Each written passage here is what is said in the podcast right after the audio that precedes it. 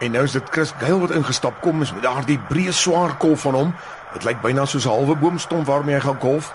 En hoeveel lopies het hy nie al aangeteken met daardie kolf nie? 'n Mens dink terug aan die swaar kolf van Graham Pollock. Hy was ook een van die spelers wat met 'n swaar kolf kon inleen, veral met daardie dekpunt dryfhoue van hom. En nou voeg die langlenige ver oor die 2 meter Pakistani Mohammed Irfan hom daar in die middel by Afridi. En dis net die teenoorgestelde gevoel wat 'n mens kry as jy hulle kolwe dophou. Dit lyk of Irfan met 'n grashalmpie gaan kolf. Vanoggend maak ons klaar met die gevegstoerusting en ek wil jou aanmoedig. Ondersoek jou lewe maar gereeld en kyk of jy joune aan het. Want die geveg gaan eerder toeneem as afneem. Geskiedenisskrywers sê dat die Romeinse soldate 'n baie goed ontwerpte en doelgemaakte gevegstoerusting gedra het en dat dit hulle dikwels 'n voordeel bo hulle vyande gegee het en dat dit soms die rede was vir hulle oorwinnings. Ons as Christene het ook 'n toerusting wat ons 'n groot voordeel bo ons vyand gee. Dis waarom Efesiërs 6 in die Bybel is. Dra dit en wees 'n wenner. Vanoggend kyk ons na die swaard God se woord. Ek het nog nooit 'n kolwer op die veld sien kom en dat hy oorstap na die bouler en hom alles van sy kolf vertel. Iets soos: "Sien jy die kolf? Hy is deur so en so gemaak.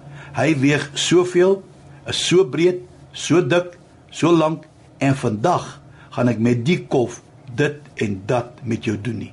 Nee, hy verdedig of verduidelik nie sy kolf nie. Hy gebruik hom.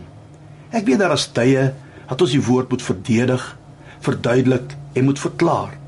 Maar miskien het dit tyd geword dat ons hom net weer gebruik.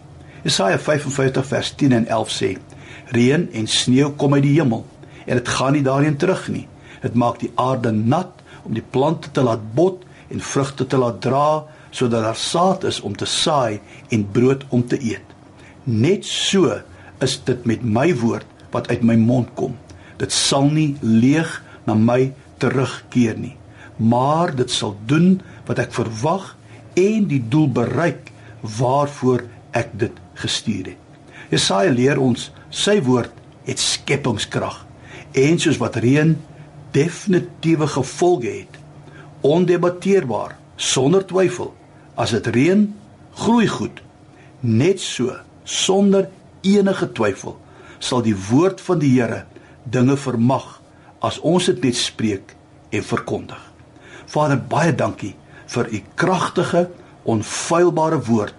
Leer ons om dit reg te gebruik sodat dit u doel sal bereik waarvoor u dit gestuur het.